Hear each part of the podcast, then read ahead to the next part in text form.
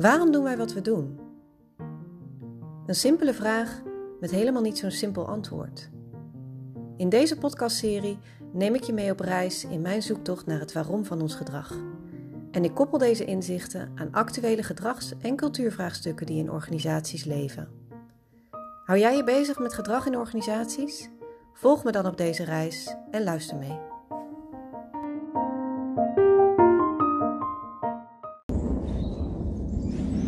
In podcast 13 van de Iminko op reis podcast wil ik het hebben over de One Trick Pony. One Trick Pony is uh, de uitspraak die um, ik wel eens, uh, uh, nou ook wel een voorzichtige uitspraak, die mensen mij meegeven als, nou ja, als ik natuurlijk weer bezig ben met het nadruk leggen op de invloed van context op gedrag, maar ook op de invloed van context op bijvoorbeeld bedrijfsprestaties. En mensen vragen zich dan af: ben je niet bang dat je een one-trick pony wordt? Namelijk iemand die continu hetzelfde aan het zeggen is en waar mensen op een gegeven moment ook wel een beetje klaar mee zijn. Ja, we weten nu wel dat uh, context zo belangrijk is op, uh, op uh, prestaties. En we weten dat we daar een soort uh, clausule in moeten opnemen. Ja, ja, ja. Ik kan me die, die opmerking echt ontzettend goed voorstellen. En het feit dat mensen, bang, ja, dat mensen dat noemen, geeft me eigenlijk ook een reden om uit te leggen waarom het zo belangrijk is.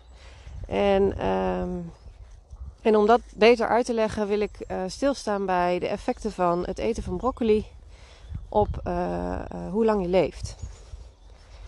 Nou, dit is een fictief onderzoek, maar hij illustreert heel goed waar het probleem ligt. Stel, jij komt bij de dokter. En, de dokter, en je vraagt aan de dokter. Um, wat zou nou maken dat ik langer kan leven? Nou, die haalt er wat onderzoeken bij. Zeg maar wat. En er is een uh, baanbrekend onderzoek geweest naar uh, de relatie tussen het eten van broccoli en uh, levensduur. En uit dat onderzoek blijkt, hè, mensen ze hebben daar gekeken van hoe, hoe lang leven mensen en hoeveel keer van in hun leven hebben deze mensen broccoli gegeten. En wat blijkt? De mensen die langer leven, die, eten, die aten ook significant meer broccoli. En dan komt in de populaire wetenschap, komt dan de populaire wetenschap-artikelen, die je ook op nu.nl tegenkomt, wordt dan gezegd, grote hoofdletters, breaking news. Als je langer wil leven, moet je meer broccoli eten. Afijn. Dit zijn onderzoeken die ontzettend veel uh, worden genoemd in de populaire wetenschap. En de vraag is vooral, maar wat zegt zo'n onderzoek nou eigenlijk? Het antwoord is helemaal niks. Want het probleem uh, in uh, het, echte leven is dat we vaak heel erg op zoek zijn naar oorzakelijke oorzaak- en gevolgrelaties. Omdat we heel graag willen weten hoe we controle kunnen hebben op allerlei facetten in ons leven, maar ook op allerlei facetten in het bedrijfsleven. En maar we, kunnen nou, we hebben nou eenmaal, de wereld om ons heen is geen laboratorium. Dus we kunnen heel moeilijk echt experimenten doen om uit te vinden wat nou wat veroorzaakt. En wat doen we daarentegen? Dan doen we samenhangstudies, correlationele studies. En uh, dat doen we in het bedrijfsleven ook aan de lopende band. Ja, er komen iedere, iedere zoveel tijd komt er wel weer een heel erg populair managementboek uit die, uh, die heel uh, veel waardevolle nieuwe inzichten geeft over wat nou succesbedrijven hebben gedaan. Dat maakt dat ze succesvol zijn. Nou, om terug te gaan op het broccoli verhaal. Als broccoli eten, als mensen die meer broccoli eten ook langer leven, dan zegt dat niks over de relatie tussen broccoli eten en langer leven. Het zou namelijk zomaar kunnen dat bijvoorbeeld broccoli-eters uh, ook vaker getrouwd zijn en kinderen hebben. En hè, het is ook belangrijk vinden dat hun kinderen broccoli eten. Uh, ik zeg maar wat. Maar in ieder geval dat dus eigenlijk het getrouwd zijn leidt tot, dat, tot, tot het langer leven. Uh, bij wijze van spreken. En dat broccoli, broccoli eten daar eigenlijk helemaal niks mee te maken heeft. En dat mensen die getrouwd zijn en geen broccoli eten net zo lang leven. Het zou zelfs ook andersom kunnen zijn. Dat broccoli eten op zich juist maakt dat je korter leeft. Maar dat omdat je getrouwd bent, dat dat effect wordt gecompenseerd. En uh, ja, dan zou je dus... Dus dan kom ik bij de dokter en dan vraag ik hoe kan ik langer leven. En die zegt dan, nou kijk dit onderzoek. Je moet meer broccoli eten. En eigenlijk heeft hij me dan geadviseerd om iets te doen waar ik sneller dood van ga. Nou, dat, dit, dit is een voorbeeld en het is natuurlijk een totaal uh, gechargeerd voorbeeld en het is ook heel fictief. Maar dit, dit voorbeeld geeft eigenlijk aan wat we weten als wij ehm, causale conclusies trekken uit uh, correlationele onderzoeken. Dus als wij, uh, en dat doen we aan de lopende band in het bedrijfsleven. In het bedrijfsleven zijn we continu bezig met het proberen te ontdekken, als een bedrijf succesvol is, wat, uh, wat, wat, wat, wat is daar dan in, hè, in samenhang? Wat, wat, wat is dan samengegaan met dat succes? Nou, dan gaan er mensen allemaal in zo'n bedrijf zoeken en kijken en, en, vragen stellen. En daar komt dan een bepaald, ja, bepaalde remedie uit. En dat wordt vervolgens eigenlijk ook verkocht als de, uh, ja, de formule naar succes. En het probleem met, met deze manier, deze benadering, is juist dat we allerlei one-trick ponies krijgen, die we maar iedere keer blijven uitproberen. En uh, het probleem daarmee is bijvoorbeeld dat we van succesvolle organisaties de CEO's en de management uh, veel te veel op een voetstuk plaatsen. Want die zullen toch allemaal dingen gedaan hebben die maken dat dit bedrijf succesvol is. En dat willen we allemaal weten. En vaak duurt het ook niet zo lang voordat een bedrijf wat veel in de media is met, met positieve, uh, positieve resultaten, dat die een eigen academy opstarten of uh, dat de CEO lezingen gaat geven. Dus het probleem met uh, dat wij moeiteloos zeggen: Oh, dit bedrijf is succesvol en daar zullen deze factoren wel de oorzaak van zijn, maakt dus dat we veel te veel waarde hechten aan, uh, aan de interne processen in een bedrijf, uh, omdat we helemaal niet weten of dat nou precies uh, de oorzaak is van het succes. Maar dat willen we zo graag, want dat maakt het leven overzichtelijk. Aan de andere kant maakt het ook dat als een bedrijf faalt, dat het dat dan ook de verantwoordelijken van dat bedrijf uh,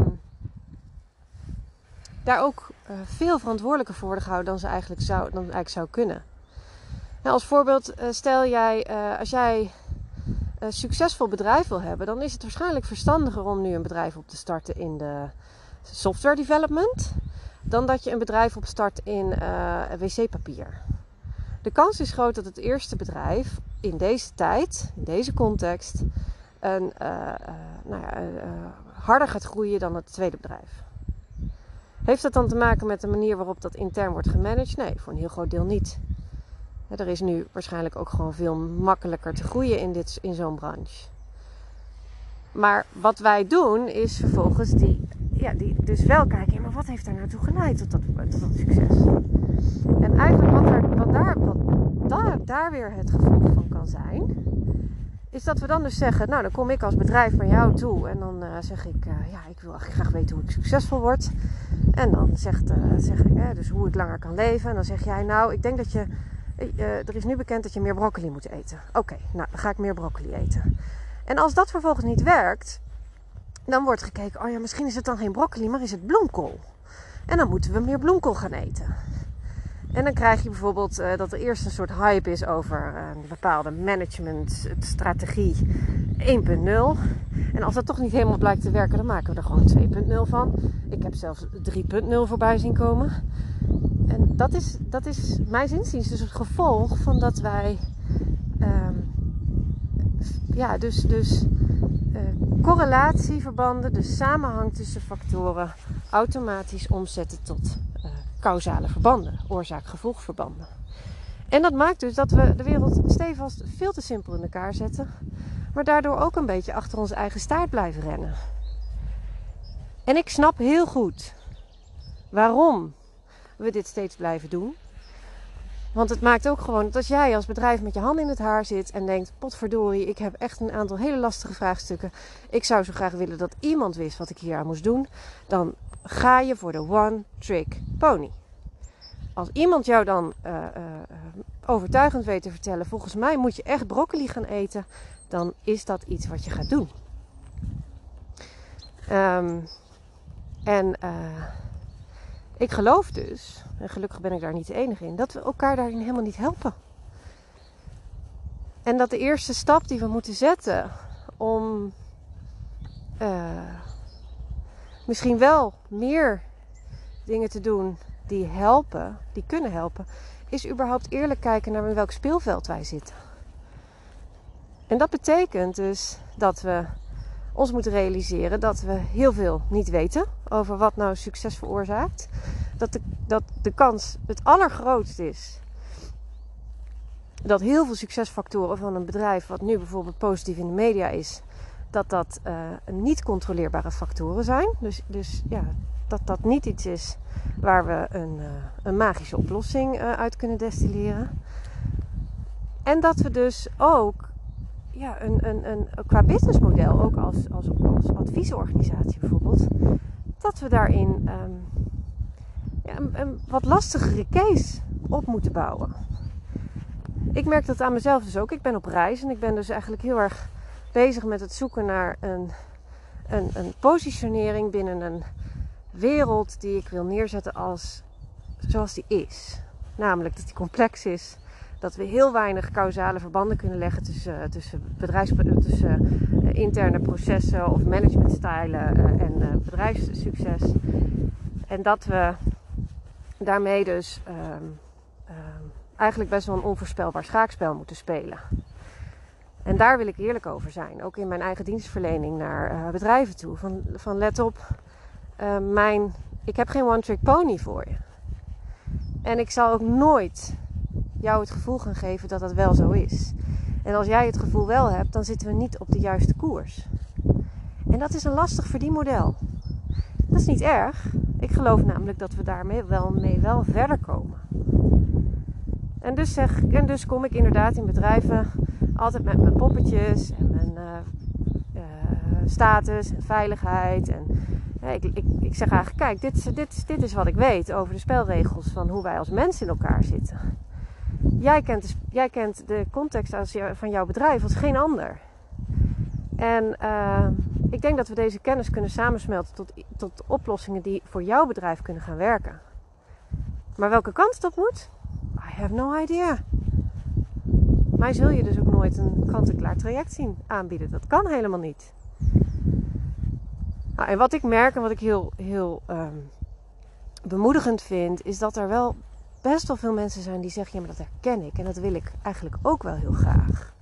Ik wil daar ook veel meer nadruk op gaan leggen. En hoe kan dat dan?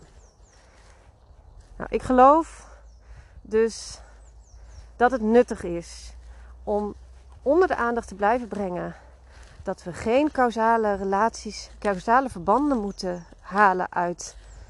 Uh, dat we geen oorzaak-gevolgrelaties moeten leggen uit uh, onderzoeken die niks anders doen dan uh, bepaalde factoren aan elkaar koppelen die toevallig allebei positief zijn. En dat is precies de reden waarom ik dus zoveel daar wel voor op de barricade ga, of daar zoveel ook op LinkedIn wel uh, de, de, nadruk op leg. Omdat ik daarmee eigenlijk, eigenlijk geloof dat we een speelveld creëren waarin we de eerste stap zetten om eerlijk te zijn over waar onze cirkel van invloed ligt. En dan denk ik ook dat we op zoek gaan naar oplossingen die daarbij passen. En dat we dan niet meteen precies weten hoe we daar ons verdienmodel moeten aanpassen. Dat is prima. Ik denk dat we daar echt wel onze weg in vinden. Zo slim zijn we wel. Nou, en daar geloof ik heilig in. En daarom denk ik ook dat het geen one-trick pony is wat ik steeds verkondig. En ik denk dat dat precies ook de reden is dat ik zoveel van mijn kennis en inzichten deel en dat ook hier op de podcast weer uh, met jullie wil delen. Dus ik wil je uitnodigen, denk er eens over na, vind er wat van. En tot de volgende keer.